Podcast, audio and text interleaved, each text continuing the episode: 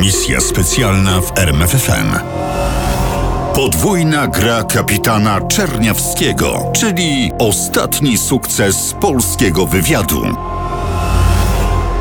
Ostatni raz kapitan pilot Roman Czerniawski siedział za sterami samolotu we wrześniu 1939 roku. W roku następnym zamienił fotel pilota myśliwca na nie mniej ekscytującą pracę oficera wywiadu. Zapomniał o swoim prawdziwym nazwisku i przemienił się w skromnego Francuza o pseudonimie Armand. Pracował we Francji. Kierowana przez Czerniawskiego sieć szpiegów Anter Alie objęła cały kraj i oskubała Niemców ze wszystkich tajemnic. Ale oprócz niekwestionowanych sukcesów zaliczył również sromotną porażkę. Jesienią 1941 roku to Niemcy odkryli tajemnicę siatki szpiegowskiej i po kolei wyłapali wszystkich agentów Czerniawskiego. Czerniawski Armand również wpadł. W listopadzie 1941 roku aresztowano Armanda w jego paryskim mieszkaniu. Trafił do paryskiego więzienia Frenet. Przez pierwsze cztery miesiące po aresztowaniu nie działo się nic specjalnego, Jakby Niemcy o nim zapomnieli. ale oni nie zapomnieli. Niemiecki oficer Abwehry Hugo Bleicher, główny autor dramatu, postanowił zostawić sobie przesłuchanie Czerniawskiego na później. Na razie miał ważniejsze sprawy do roboty. Niemal każdego dnia doprowadzano nowych aresztantów. W rezultacie oficerowie Abwery mieli do przesłuchania 66 ludzi. Najwięcej do powiedzenia miały dwie kobiety, Pierwsza używała pseudonimu Kotka Laszat. druga Violetta. Obie były blisko związane z Czerniawskim i to podobno nie tylko w sensie szpiegowskim. I to Violettę, czyli panią René Borny, przyprowadził Bleicher do celi Czerniawskiego. Był 27 listopada 1942 roku. Rozmawiali około pół godziny. Niemcy wiedzą wszystko. Kotka przyszła na ich stronę, kontaktuje się z Londynem przez radio rzekomo w naszym imieniu, a faktycznie Niemcy podsuwają Anglikom fałszywe informacje. A ty? Zapytał Czerniawski. Dla kogo teraz pracujesz? Przecież znasz odpowiedź. Oni naprawdę wiedzą wszystko.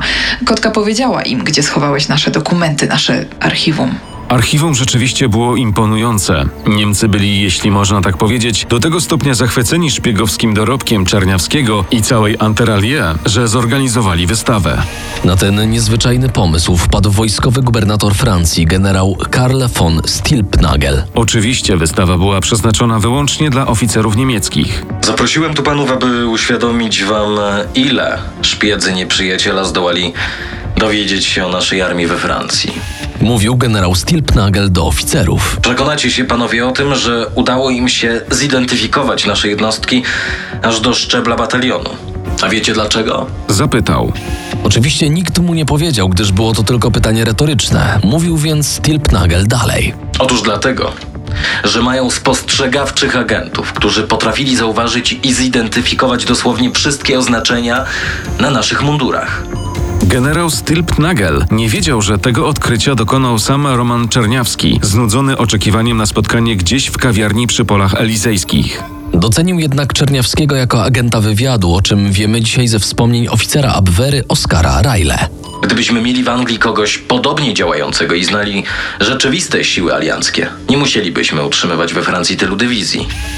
Czy to wówczas narodził się pomysł przewerbowania Czerniawskiego? Niekoniecznie. Wspomniany już wyżej Hugo Bleicher twierdził, że taki pomysł kołotał już w głowach oficerów Abwehry dwa miesiące wcześniej, w grudniu 1941 roku. Nie można wykluczyć, że podobny pomysł mógł się narodzić i w sztabie generała Stilpnagela i w siedzibie Abwery. Kiedy więc 27 listopada w 1941 roku Violetta zjawiła się w celi Czerniawskiego na rozkaz nowych niemieckich zwierzchników, próbowała przekonać go do współpracy z Abwerą.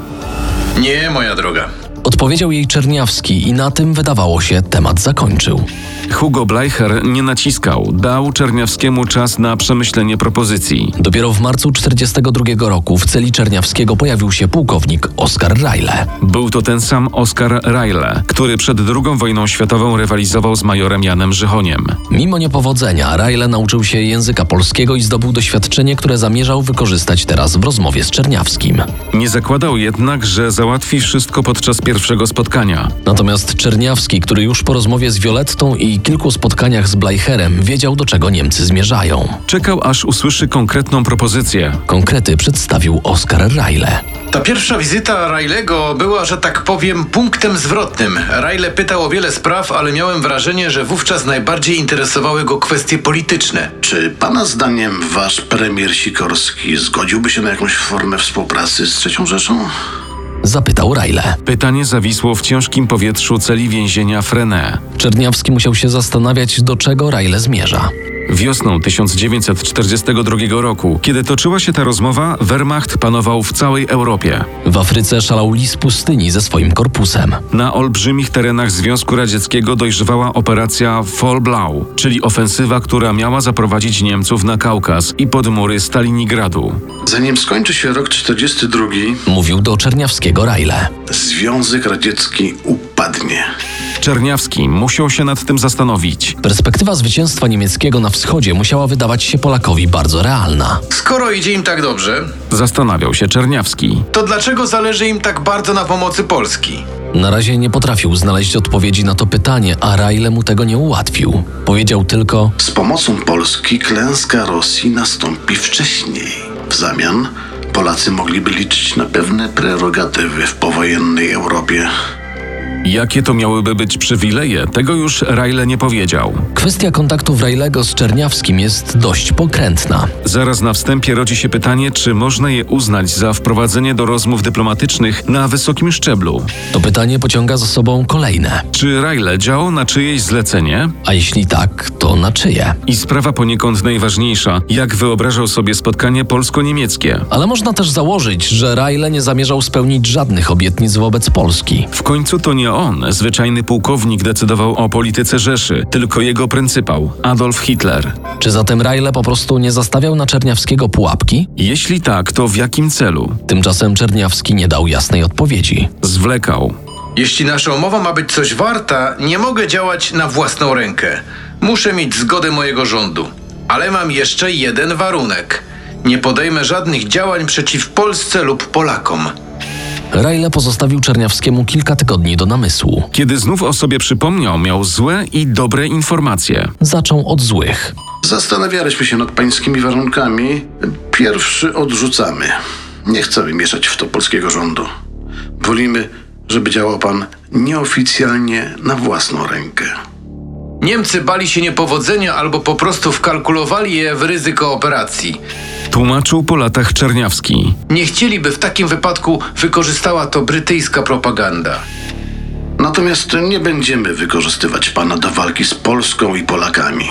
W razie powodzenia zleconej panu misji gotowi jesteśmy zwolnić aresztowanych szpiegów Enderalie. Rajle w zasadzie był pewien, że Czerniawski jest już urobiony i jego zgoda to tylko kwestia krótkiego czasu. Przed opuszczeniem celi zostawił Czerniawskiemu kilka kartek i pióro, czy może ołówek do pisania. Zanim zaczniemy współpracę, potrzebujemy od pana jasnej deklaracji na piśmie. I ta deklaracja była dla Rajlego najważniejsza. Ale czy wierzył w szczerość słów Czerniawskiego? Liczyliśmy się z tym, że Czerniawski zdradzi nas przed Intelligence Service. a Nam będzie wysyłał fałszywe informacje. Ale i z fałszywych informacji można wiele dowiedzieć się o nieprzyjacielu. A poza tym Tłumaczył dalej Rejle. podpisaliśmy coś w rodzaju umowy. Jeśli Czerniawski zdradzi, odwet spadnie na jego ludzi z Enteralie. Na koniec, żeby Czerniawski nie czuł się panem sytuacji, przypomniano mu, że jego brat jest w obozie jenieckim, a matka w okupowanej Polsce. Czerniawski zdał sobie sprawę z ryzyka, jakie niesie ze sobą oferowana mu współpraca. Zdecydował się jednak to ryzyko podjąć. Wziął więc ołówek do ręki i zaczął pisać. Po latach we wspomnieniach przyznał, że napisał dokładnie to, co Rajle chciał przeczytać. To był jeden z najlepszych moich tekstów propagandowych. Główna myśl zamykała się w zdaniu.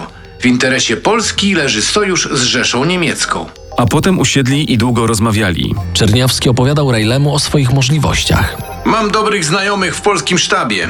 Myślę, że bez większych problemów rozkręcę działalność wywiadowczą. Myślę, że nie będzie również kłopotu ze zorganizowaniem proniemieckiej propagandy. No dobrze, Odpowiedział Rejle. Ale interesuje nas jeszcze Francja. Rozumiem, że i tu ma pan wielu dobrych znajomych. Oczywiście, Potwierdził Czerniawski. mam ludzi nie tylko tu, w Paryżu, ale jeszcze w Brytanii i Bordeaux. Czy Niemcy naprawdę w to wszystko uwierzyli? Pytał o to Andrzej Brzeziecki, autor znakomitej biografii Czerniawskiego. Jak zapisał, Rejle przyznał, że Abwera cierpiała na deficyt informacji z Wysp Brytyjskich. Chcąc nie chcąc, Niemcy chwytali się każdej okazji. Dlaczego wybrali Czerniawskiego? Bo był najlepszym fachowcem od roboty wywiadowczej, oczywiście spośród tych, którzy znajdowali się w niemieckich więzieniach. Ta decydująca o dalszych losach Czerniawskiego rozmowa odbyła się mniej więcej pod koniec kwietnia 1942 roku. A potem zaszły wypadki, o których inaczej opowiadają świadkowie, a inaczej brytyjskie archiwa. Zaczęło się od tego, że na początku lipca Hugo Bleicher, oficer, który w listopadzie 1941 roku aresztował Czerniawskiego, tym razem miał mu pomóc w ucieczce. 14 lipca 1942 roku Bleicher zabrał Czerniawskiego do Paryża swoim samochodem. Gdy byli na Avenue Foch, ciężarówka Wehrmachtu zajechała Bleicherowi drogę. Bleicher nie zdążył zahamować i doszło do niewielkiej kolizji. Moment zamieszania wykorzystał Czerniawski i uciekł. Nie dogonili go ani żołnierze niemieccy, ani kule pistoletów. Setki Francuzów widziało ucieczkę skutego kajdankami więźnia. Plotka szybko rozeszła się po mieście i dotarła do ludzi z ruchu oporu, a o to przecież Rajlemu chodziło. Inaczej zapamiętał te wydarzenia Czerniawski. Owszem, razem z Bleicherem pojechali do Paryża. Gdzieś w mieście pojawiły się ciężarówki i zrobił się korek, ale Bleicher je wyminął i pojechał dalej, prosto pod kamienicę, w której czekał na nich Rajle. Co się stało? Przecież miał pan zorganizować moją ucieczkę. Miał zapytać Czerniawski. Ale nie zapytał, bo jak się okazało, po wielu, wielu latach Czerniawskiego wówczas nie było w Paryżu. Nadal siedział w więzieniu, a po ulicach miasta uciekał podstawiony przez Niemców człowiek. A plotka o wyrwaniu się Czerniawskiego z łap Abwery trafiła do francuskiego Resistance. Czerniawski opuścił więzienie dopiero 29 lipca. Od Rejlego dowiedział się, jakiej wersji zdarzeń powinien się trzymać. Proszę pamiętać, uciekł pan 14 lipca podczas kolizji samochodu Bleichera. Tej wersji trzymał się Czerniawski do końca życia i przedstawił ją we wspomnieniach pod tytułem Big Network oraz wywiadzie dla Radia Wolna Europa. Tylko raz uchylił rąbek tajemnicy i to też nie wdając się w szczegóły. Wspomniany już autor biografii Czerniawskiego Andrzej Brzeziecki dotarł do ukrytego w archiwach brytyjskich raportu dla szefa wywiadu pułkownika Gano. Wersja o ucieczce dla dobra sprawy musi być traktowana jako prawdziwa. Pierwszą rozmowę z pułkownikiem Gano odbył Czerniawski po miesiącu od przyjazdu do Londynu, czyli w połowie listopada 1942 roku. Spotkali się w restauracji, bo tak zażyczył sobie Czerniawski. Mówił przez bite pół godziny. Przedstawiono mnie w Londynie jako bohatera, który zwiał Niemcom. Tymczasem życie to nie jest powieść szpiegowska i zmusza do innych, często trudnych decyzji. Zgodziłem się na współpracę z Niemcami. A potem opowiedział o rzekomej ucieczce i o planie, jak sam określił, wielkiej gry. Czym była wielka gra? Sam Czerniawski miał ją przemyślaną tylko w ogólnych zarysach. Zamierzał zasypać Niemców lawiną spreparowanych przez wywiad brytyjski fałszywych informacji i w ten sposób wprowadzić ich na ścieżkę strategicznych błędów. Jednak do tego potrzebował zgody generała Sikorskiego. Przykro mi, ale generał Sikorski nigdy nie zgodzi się na jakąkolwiek formę współpracy z Niemcami. Natomiast Brytyjczycy mogą podjąć się takiej gry. Przecież tu chodzi o życie moich ludzi. Zrobimy tak, panie kapitanie. Przygotuje pan szczegółowy raport. Proszę zacząć od momentu aresztowania, a ja w tym czasie porozmawiam z generałem. Zobaczymy, jak zareaguje. Sikorski zareagował lepiej niż spodziewał się tego Gano. Przyjął Czerniawskiego w trybie pilnym. Sikorski mówił o systemie podwójnych szpiegów Double Cross. Już w 1940 roku brytyjski kontrwywiad wyłapał pierwszych szpiegów Abwery wysłanych na wyspy. W roku następnym, kiedy czytanie szyfrów Enigmy odbywało się na skalę niemalże hurtową, udało się zatrzymać każdego niemieckiego agenta. Szef Double Cross John C. Masterman mógł się pochwalić, że w 1941 roku kontrwywiad aktywnie kontrolował niemiecki system szpiegowski w Wielkiej Brytanii. Roman Czerniawski miał więc znaleźć się w grupie szpiegów, z których każdy miał przypisane konkretne zadanie dezinformacyjne. Dostał pseudonim Brutus. Na czym polegała jego praca? Wysyłałem meldunki zredagowane z prawdziwych i fałszywych informacji. Sztuka polegała na tym, żeby informacje prawdziwe nie zaszkodziły aliantom. Natomiast wiadomości fałszywe musiały być na tyle prawdopodobne, by nie obudziły podejrzeń Niemców. Szczególnie wyraźnie widać to przy okazji operacji Fortitude. Chodziło o wprowadzenie Niemców w błąd co do miejsca inwazji na kontynent. Najpierw ktoś zaproponował, że jeden z podwójnych agentów pochwalił się szefom Abwehry, że zdobył plany inwazji.